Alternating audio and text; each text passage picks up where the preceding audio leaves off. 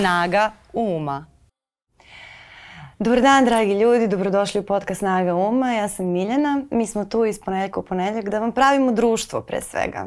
E, nekim razgovorima koji su konstruktivni, za koje se trudimo da budu informativni, kvalitetni, koji su nekad i alternativni u ovom vremenu medija u kojima je sve instant i u kojima je sve senzacija. Nekad nam je potrebno i da se smirimo, da sagledamo fenomene i stvari koje nam se dešavaju iz pozicije razuma. Naročito sada kada je došlo leto, kada su se stvari smirile, ali i kada smo ostali možda sami sa sobom i sa svim što nam se izdogađalo u poslednjim, ne samo mesecima, e, nego i godinama. Zato mi je veliko zadovoljstvo i čast da ugostim koleginicu i aktivistkinju koju se jako divim, Anne-Marie Ćurčić. Anne, dobro mi došla. Hvala, bolje te našla. Kako si po ovoj vrućini? Izdržava se nekako, ali s obzirom da sam ja letnje dete, radujem se letu, ovaj, a, premostit ćemo to, živelo leto, živelo sunce, živela sloboda bez kaputa, džempera i tome slično. Da, da, to stvarno prije što se toga tiče, to, to, to je sigurno. A, sada, kako sam a, najavila E, ovu epizodu i izrekla ovaj uvod, e, to mi jeste zaista bilo u mislima. E, ovo je posle nekoliko godina možda to prvo leto koje smo čekali, koje bi kao moglo da bude bezbrižno, ali opet u njega ulazimo nakon jedne velike tuge i žalosti iz koje ne znam ni koliko smo izašli, ili ako smo, iako smo počeli da se ponašamo kao da smo izašli. I sada, pošto je tvoja ekspertiza upravo usmerena ka, ka medijima i, i ka etici. Vola bi da pokrenemo razgovor iz, tog, iz te pozicije šta je ono što nam je od medija i od javnosti trebalo u situaciji e, kada se kao društvo suočavamo sa jednom kolektivnom traumom poput masovnih pucnjava, šta je ono što smo dobili, a šta je ono što nismo dobili i što sad nekako moramo sami, iako možda mhm. toga nismo svesni. Pa mislim da nam je pre svega bila potrebna ljubav da nam je bilo, bilo potrebno saosećanje, da nam je bilo potrebno razumevanje, podrška, da nam je bila potrebna uteha. Uteha uh,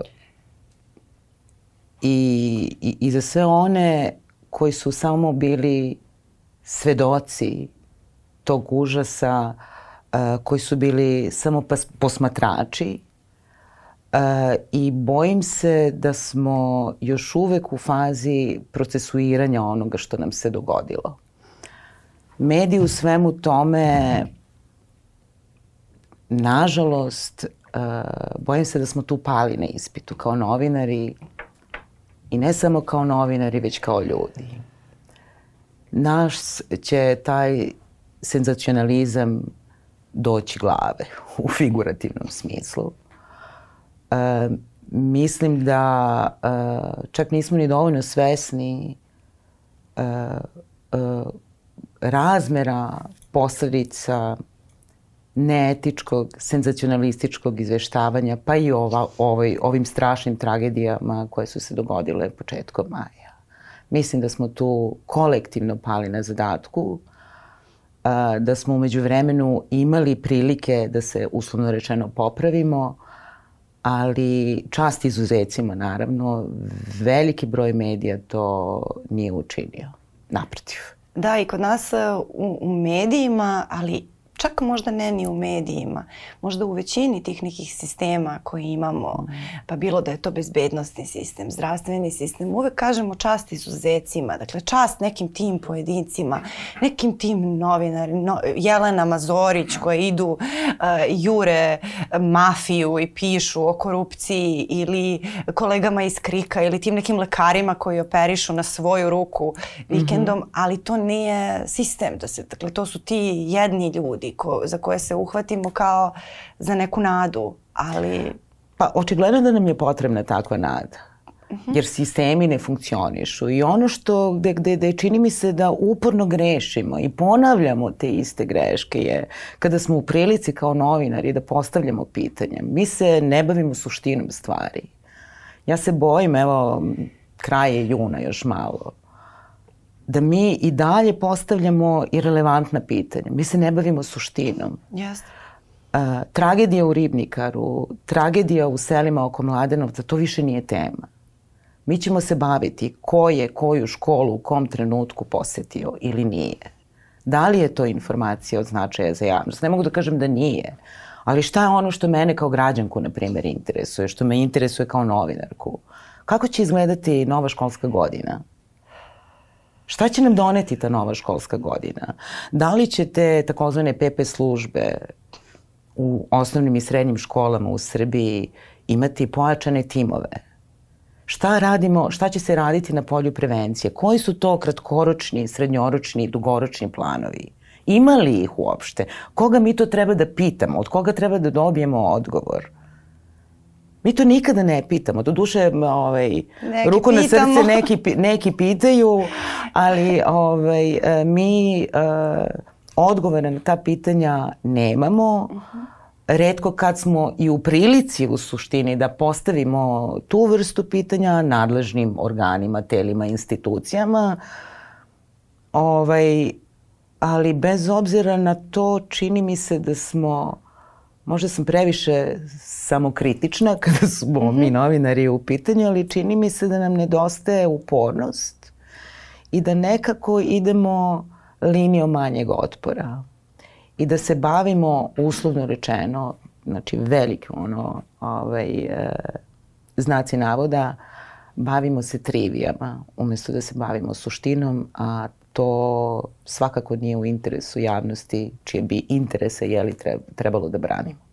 Sad ću da, da kažem nešto i zanima me šta misliš, jer je to nešto što intuitivno osjećam u vezi sa tom temom uh, i čak me malo i sramota kada tako nešto mm. pomislim, ali me baš zanima šta, šta, šta misliš uh, o toj tezi, da je to bavljanje trivijama uh, koje je definitivno dominantno uh, u medijima, ne, ne samo posledica te, te brzine, nego uh, ja imam osjećaj da, da, da se nametanjem toga šta je pitanje bave ljudi koji ne samo, nije to sad kao da li znaš nešto o novinarstvu, oni možda i znaju nešto, ali imamo da oni ne znaju o životu. Kao šta je život, šta je žalost, mm. Šta ti u žalosti treba, treba ti neki post tok. Mm. Pa znaš kako? O, ne, ne znam da li je to e, preekstremno i da li sam kao ja možda previše u svom nekom svetu, baš te pitam iskreno. Pa ja mislim da suštinu problema, mislim ja nisam ekspert za mentalno zdravlje, pa a, niti psiholog, i za ali, ali prosto kao pojedinac, kao, kao osoba, jeli, mislim da je to nedovoljno, mi sami sebe nedovoljno poznajemo. Mi sami sa sobom ne umemo da baratamo, jeli? Mi ne prepoznajemo ni vlastite emocije. E, drugo, ne treba zaboraviti da mi unazad 30 godina živimo u konstantnom grču. Ja sam 66. godište, znači 90-ih sam imala 20 plus. E, pamtim neka bolja vremena, patim doba bezbrižnosti, naivnosti. Ono što često sa prijateljima komentarišemo, mi pripadamo generaciji a, razmaženih Titovih pionira, šta god, kako god to zvučalo, ali da, da. govorim u nekom, pokušavam da to iznesem na neki pozitivan način, u smislu da smo se kao tinejdžeri, mladi adolescenti bavili temama, stvarima koje su prosto primerene tom uzrastu. Uh, vi danas kada pogledate nekog klinca od 15-16 godina, bojim se da on će umeti da nabroji više uh, imena političara nego nekih bendova, omiljenih filmova, ne znam, izložbi, događaja. To čak i za decu važno, a ne za tineđere. Pa i deca, što je prestrašno. Uh, što samo govori o jednom okruženju u kojem mi živimo, odrastamo, sazrevamo. Tako da ako ima neke olakšavajuće okolnosti, to bi bilo to. Međutim, kada, kada govorimo konkretno o načinu izveštavanja medija, posebno o, o, o događajima koji uključuju ljudsku patnju i bol, a, mislim da nam pre svega treba edukacija. Mislim da dobar deo odgovornosti snose urednici, glavni odgovorni urednici, vlasnici medija. Jer posebno kada govorimo o tragedijama nekako zaboravljamo a, da reči mogu biti ubojite po nekoga. Da možemo nekog ugroziti, životno ugroziti načinom izveštavanja. Zato hajde da pozovemo na malo edukacije i samo edukacije i e, ne manje važno, iako na kraju da se pozovemo malo na naš novinarski kodeks, i da povedemo računa, da pročitamo, izlistamo s vremena na vreme šta kaže postojeći zakon o medijima i javnom informisanju, koji je, by the way, kristalno jasan, kao i etički kodeks po tom pitanju. Zna se šta se sme, šta se ne sme. I negde što, neki savet koji bih, usuđujem se da dam mlađim kolegama, pre nego što bilo šta napišete, pokušajte da se stavite u kožu, da se stavite u cipele osobe o kojoj izveštavate. Jer ne može me niko ubediti da je informacija od javnog značaja kada, na primer, se dogodi neka saobraćina nesreća, pa onda objavite bilo u štampanom izdanju, a posebno po portalima, fotografiju unesrećenih roditelja na telom deteta koje je nastradalo, pa vam to ne bude dovoljno, pa pustite i video snimak mi užasne, jezive stvari gledamo po portalima, gledamo i u elektronskim medijima, nažalost, a da za to niko ne snosi odgovornost i kao da nas je baš briga kako se osjeća porodica te nastradala osobe kada, ne daj Bože, pročita ili vidi ono što smo napisali ulazeći u svake mogući detalj grozote koja se dogodila, iznoseći privatne stvari koje apsolutno nemaju veze sa javnim interesom. I to ne samo ta osoba o kojoj se radi. Kod neetičkog izveštavanja postoje to sekundarno trigerovanje Tako ljudi je. svaki put kada uh, kada se dogodi neka mm -hmm. vest koja je ispod svakog nivoa, koja se, na primjer, tiče seksualnog nasilja mm -hmm. ili mhm. bilo smrti, saobraćene nesreće, to utiče na sve ljude koji su imali takvo ili slično iskustvo u svom životu, u svom okruženju. Yeah. Da. To je nešto što prosto iritira. To ne samo što iritira, to pod broj jedan zaboli. Da. Um, sad ne želim da ulazim u da, detalje, ali evo, navešću samo jedan primer kada je reč o izveštavanju o slučajevima suicida. Znači, istraživanja su pokazala da jedan suicid direktno i indirektno pogađa i do 125, odnosno 130 osoba. Znači, pogađa ne samo najuže članove Jasne. porodice, širu porodicu. To su prijatelji, kolege, poznanici. I svi I kao što je u krajnjoj liniji slučaj a, sa događajima u osnovnoj školi Vladislav Ribnikar i u selima u okolini Mladenovca i Smedereva, mi prolazimo kroz kolektivnu traumu. A živimo u zemlji sa nedovoljno razvijenim sistemima podrške, što institucionalne, što van institucionalne podrške. I kada se sve to ima u vidu, mislim da je vrlo lako zaključiti koliku odgovornost zapravo imamo kao novinari. A živimo u vremenima gde o odgovornosti gotovo da i nema. Meni je uh, pre recimo dve godine ovde bio Igor Jurić. Uh mhm. -huh.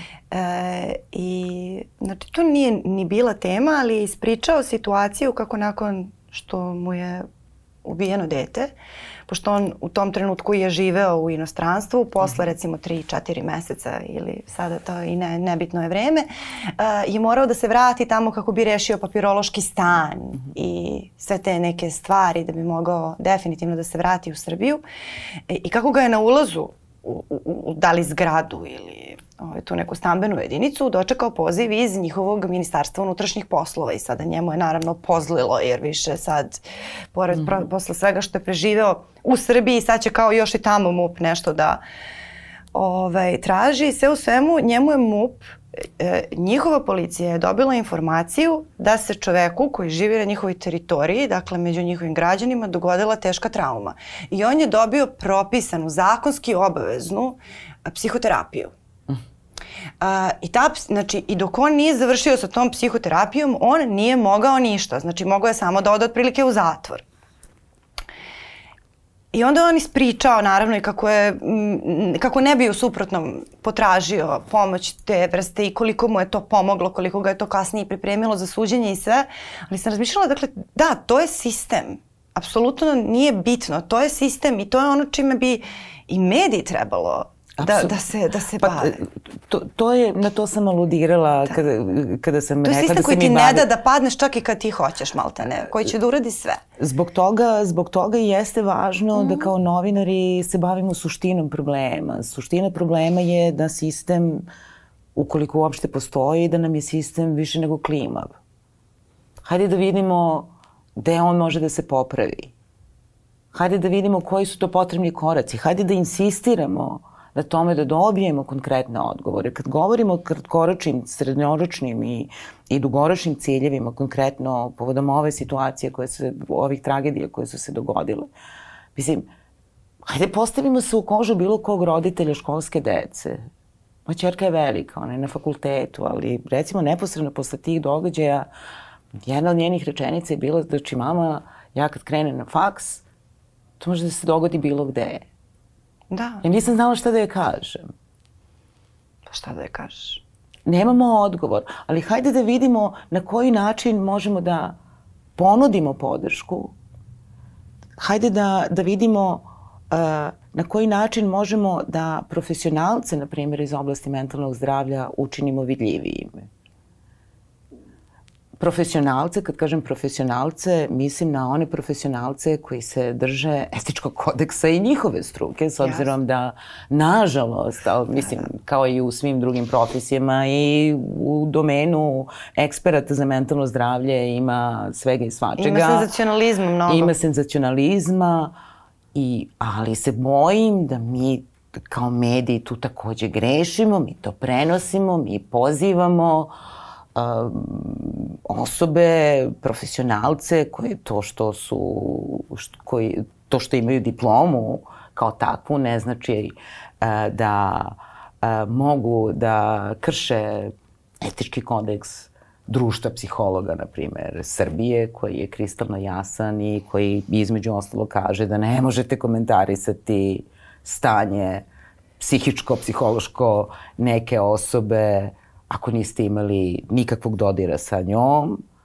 a sve, a posebno ako jeste, ako jeste u, u pitanju vaš klijent, prosto etički kodeks vam zabranje da o tome govorite. Da, kao što ne možete da pričate o tome kako se leče depresija ili anksioznost u tri koraka i kako ćete nekim afirmacijama pred ogledalom uh, Mislim, da postanete bogati, stvari. to su vrlo ozbiljne stvari i vrlo opasne stvari kojih se baš dešava i mi se baš protiv toga borimo. Mislim, mi u ovom podcastu upravo jer toga ima. Jer nažalost previše. između ostalog nemamo mm. kad govorimo već o sistemu, na primjer ne, mi dalje čekamo na famozni zakon o, o psihoterapeutskoj delatnosti, na to se čeka, evo, do, došlo je do smena uh, na vrhu Ministarstva zdravlja, vidjet ćemo koliko je važno koliko je važno samom ministarstvu da se po pitanju uh, jačanja sistema institucionalne podrške menjaju stvari. Da li imamo dovoljno kapaciteta? Ako nemamo dovoljno kapaciteta, hajde da vidimo u čemu je glavni problem. Da li je to manje kadrova ljudskih, da li je uh, gde, gde, gde, gde, gde prosto gde prosto postoje neke objektivne otežavajuće okolnosti, a gde je s druge strane nama da poradimo na tome.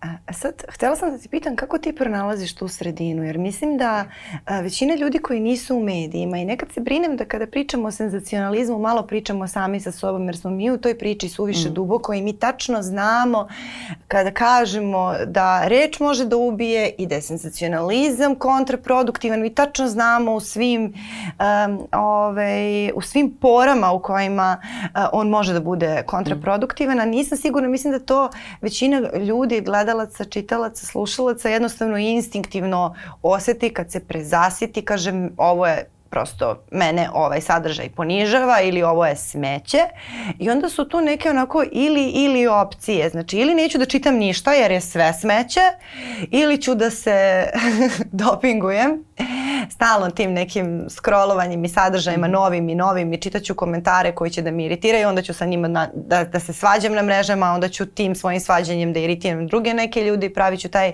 začaran krug. Gde ti tu pronalaziš uh, Ali to se meru? Uči. Kako? E pa to sam htjela da te pitam. I to se uči. Kako, kako, se, kako se to uči uh, i, to i šta bi ti preporučila tu? I to se uči. Mislim, ono, to, to, to je, do duše zvuči kao isprezna fraza, stalno se govori o medijskoj pismenosti. Da, da. Ali ta medijska pismenost podrazumeva i, kako bih rekla, neku ja ne znam ni da li je to pravi izrad, odgovarajući neku uh, psihološku pismenost pri, prilikom konzumiranja medijskih sadržaja. Znači, vi morate, morate, moramo voditi računa o sebi. Moramo brinuti o sebi. Kada se dogode tako neki strašni događaji. Naravno da postoji u svakom od nas potrebe da što više saznamo, ali evo, vratit, evo da se vratim na koronu. Okay. Kada je proglašena pandemija koronavirusa, polazimo od sebe, znači prvih mesec, dva, ja sam besomučno čitala sve što se dalo pročitati na tu temu i onda uđete u jednu spiralu, u jedan vrtlug iz kojeg uh, Nije baš tako lako izaći,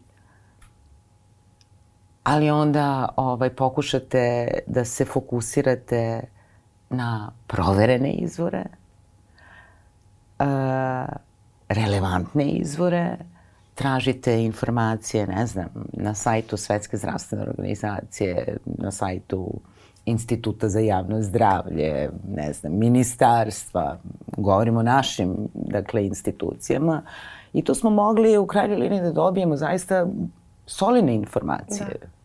Ne uvek ažurirane, ali ipak koliko toliko neke ne, informacije koje su manje, više proverene. Ne govorim o broju preminulih i zaraženih, znači u to ne ulazim, ali generalno o samoj pandemiji. Morate napraviti trijažu onoga što čitate i pre svega da ograničite vreme koje ćete provesti pred malim ekranom ili scrollujući vaše mobilne telefone. Znači, ok, hoću da se informišem, ne mogu da se oduprem tom porivu, jeli, da budem informisana, ali ću to raditi, ne znam, sad vremena. Za sad vremena to je više nego dovoljno da saznate sve što vas interesuje. A, interesuje, a kada se, znači, 61. minut, isključite se. Ono što ja sad radim, s obzirom da naučila sam da sebe samo disciplinujem u smislu, to možda nije ni malo pohvalno za nekog ko se bavi novinarstvom, ali moj slobodan dan je slobodan dan. Gledat ću jednom vesti. Ne želim da čitam sve što mi iskoči. Isključujem notifikacije ako bude nešto strašno, sigurno će me neko zvati. Da. Dakle, neću ostati neobaveštena. Ali ovaj, sačuvajmo, sačuvajmo mentalno zdravlje. Kada ste previše izloženi takvim užasnim sadržajima, to ostavlja trag bilo, bili toga svesni ili ne. A totalna blokada, ta druga krajnost? Pa, Ja mislim da, mislim, ništa nije crno-belo. Ako nekome odgovara da se potpuno isključi, ok, to je sasvim u redu. Mislim, radite ono što vama lično odgovara. Ne postoji neki univerzalni recept šta i kako. Ali osluškujte sebe. To je ono što je važno. To je ono što treba da naučimo. Ne samo, a posebno mi koji se bavimo a, novinarstvom, jer jedan od tih aspekata na koji se čini mi se da se relativno malo o tome govori, to je a, da izveštavajući posebno o tim tragedijama i sami novinari prolaze kroz traumu. Da. Koja ne mora odmah da se ispolji, ali vama može biti okidač neka potpuno banalna stvar posle deset godina. I u tom smislu ovaj, ono što zaista pozdravljam to je što su što je nezavisno udruženje novinara a, organizovalo pružanje psihološke podrške novinarima koji su izveštavali nakon tragičnih događaja u Ribnikaru i Mladenovcu. Pa da, mislim i korona je bila ista da. takva i, i, i mnogo je tih situacija. Pritom mi živimo u jednom konstantno te, tenzičnom vremenu. Mm -hmm. uh, dakle, mi, mi smo praktično u medijskom ratu koji traje već 10 godina. Da. Znači imamo tu neku jaku polarizaciju uh, u kojoj se ne biraju sredstva s jedne strane, a s druge strane kao ti želiš da poštoš kodeks mm -hmm. i treba da imaš objektivnost, a opet si u nemogućim uslovima, zato mhm. što ja tačno vidim neke kolege uh, koje emocije preplave. Preplave mm -hmm. i mene, ali mm -hmm. ja mhm. snimam jednom nedeljno. Mm -hmm. I ja onda sačekam subotu, pa mm -hmm. se raspadnem i šizim, ne znam, ne izađem mm -hmm. iz kuće i to, ali da, kad bih ja morala da odem u tu subotu uživo u programu, mm -hmm. ja ne znam kako bih ja zvučala. Mm -hmm. Mislim, ne znam ni da li ovako zvučim uvek onako mm -hmm. kako želim da zvučim mm -hmm. i onako kako, kakvi, su, kakvi su moji standardi. Ali ne znam mm -hmm. da li to primećuješ i kako se ti sa tim nosićeš. I to je previše. Čak i kada se ti kao sve kako treba, radiš sve po kodeksu, radiš sve dobro, mi funkcionišemo po principu kazne i nagrade. Sad ti očekuješ, novinarstvo nije neki prostor da ćeš ti sad zaradiš neke ne znam kakve pare, ono da... Mm -hmm da ideš na neka letovanja, ali kao očekuješ makar poštovanje. A onda ne da nemaš poštovanje, nego ali, te proganjaju kao. Ali znaš u čemu je, mislim da je zapravo suštinu našeg problema čini činjenica da je naša profesija degradirana. Potpuno degradirana. Jeste. Sad može svako da radi šta hoće. U krajnjoj liniji više novinari nisu ni potrebni. Jer svaki pojedinac sa mobilnim telefonom postaje neka reporter. Vr, reporter sa lica mesta. I ti snimci koji lutajući reporteri, građani, bez želje da, znači ne, ne želim da omalovažava bilo koga, ali, znate, mediji preuzimaju to, te materijale i od toga prave priče. Pumpaju priče to si dobro zaključila. Mislim, živimo u toliko polarizovanom društvu da baviti se novinarstvom danas je zaista, ne znam, treba imati želudac za da, to. Da. I ovaj, veoma je mali broj medija koji pokušavaju da se koliko toliko drže nekog profesionalnog kursa. Mislim da sada već govorimo o izuzecima koji potvrđuju pravilo da je a, tabloidizacija medija u Srbiji, do duše to jeste i globalni trend, ali posebno u Srbiji uzela do te mere maha da čak i oni mediji koji se u javnosti doživljavaju kao profesionalni, šta god ta profesionalnost danas značila. Da, ili se deklarišu zapravo, Ili se da. deklarišu kao takvi, a, zapravo počinju da primenjuju istu praksu medija koje najčešće imaju na tapetu kada ih kritikuju, jeli?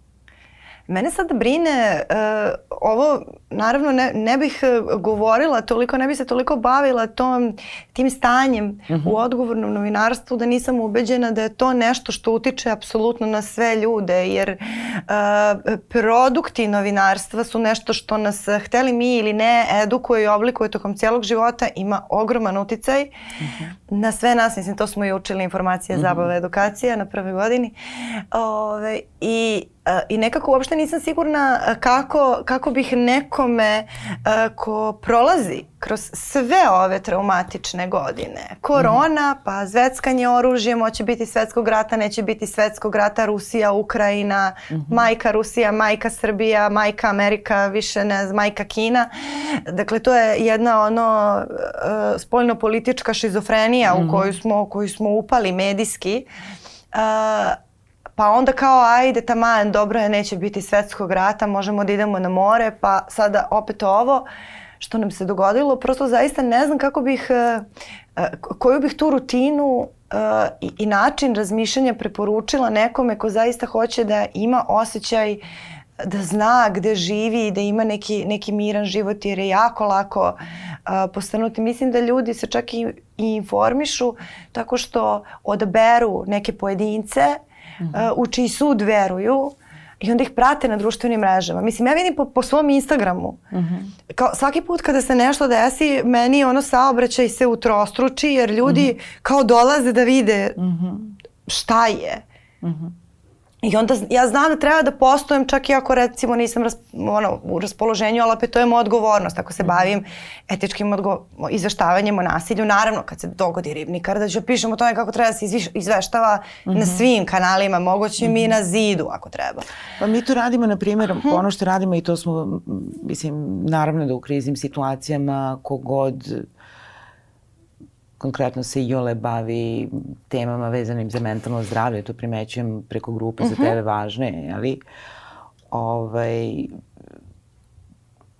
uvek je veći broj ljudi koji postavlja pitanja, koji uh mhm. -huh. traže savete i ono što je mene a to se donekli odnosi, zapravo govori o tome šta smo mi ponudili kao mediji auditorijumu, uh, Nama se, na primjer, u, u grupi za tebe važno je javio veliki broj nastavnika. Ne iz Ribnika, nego iz drugih škola. Sa pitanjem da ne znaju kako da razgovaraju sa svojim učenicima. Relativno je mali broj medija objavio informaciju da je fakultet, filozofski fakultet u Beogradu, odeljenje za psihologiju, izdalo priručnik za medije dostavilo priručnik za medije kako izveštavati o kriznim situacijama. Malo ko to zna. A pri tome to je, mislim, hajde krenimo, ako želimo da pomognemo, šta je, u stvari šta je naš posao? To je ono što treba da se pitamo. Šta je naš posao? Pa da radimo u interesu javnosti, ali... Da radimo u interesu javnosti, A ne ono što ali... javnost interesuje, ali to je razlika da između ta dva. Da radimo u interesu javnosti, ali naš posao je i da štitimo interes javnosti. Pa to, pa to je sve interes javnosti, da. Javni interes. Znači, u javnom interesu u ovom trenutku je, opet, mislim, ponavljam, ko, ko pokvarena ploča, jeli, opet ću da se vratim. Kako će, na primjer, da nam izgleda nova školska godina? Da li će koje će to izmene, koje su izmene predviđene u školskom programu, na koji način će se govoriti, na koji način će se uh, raditi na polju prevencije nasilja.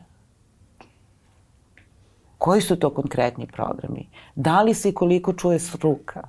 Evo, odluka o, o završetku školske godine je doneta bez ikakvih e, konsultacija sa stručnim timom radne grupe koju je formirala vlada.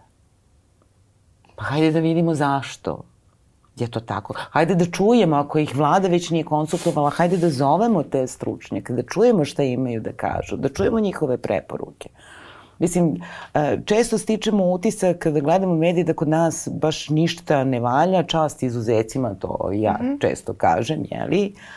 Ali Nije tačno da ne možemo da dođemo do ljudi od integriteta koji bi zaista imali šta da kažu.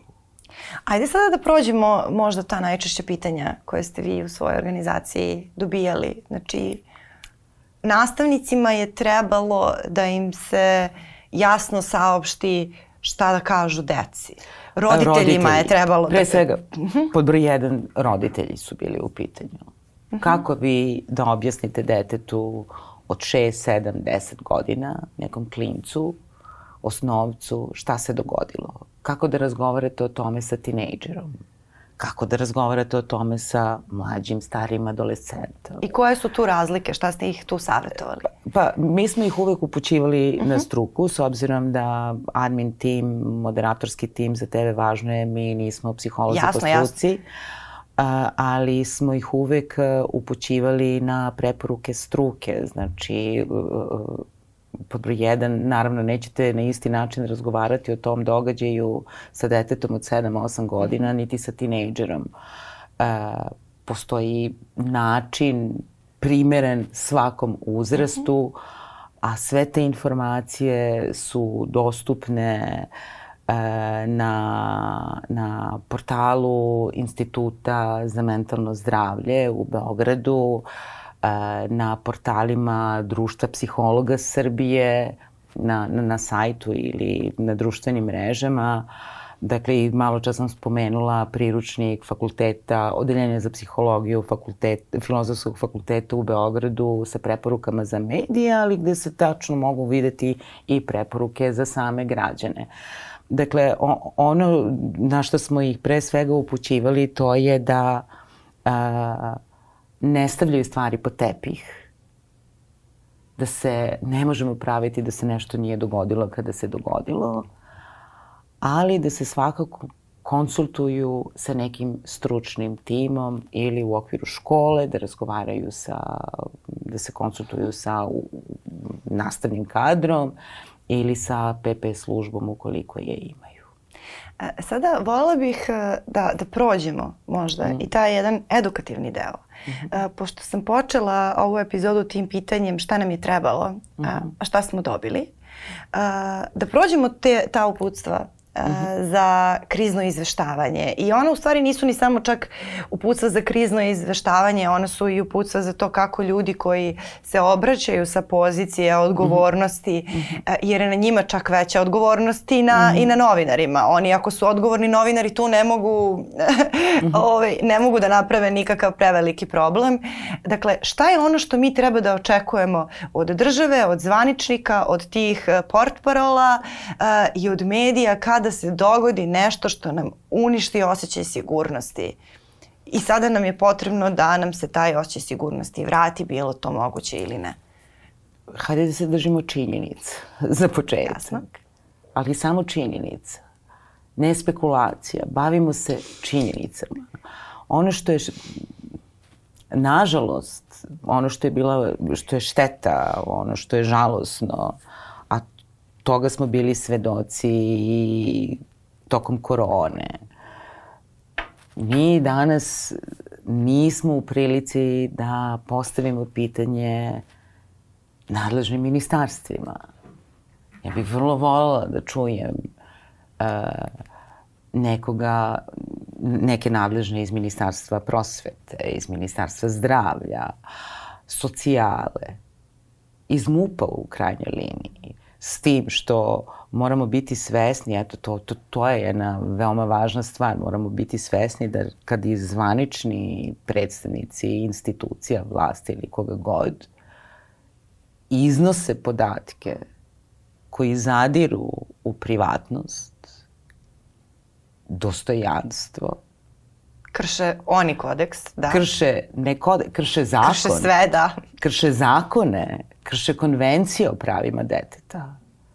Jer uh, izneti onaj spisak dece na preskonferenciji, vi time kršite njihova elementarna prava. Na nama je novinarima da korigujemo. Naravno, ne možete vi izbeći pa isključiti kameru ako ste, ili ako imate live, to, to, to ode live, ali možete uraditi niz drugih stvari kako biste umanjili štetu.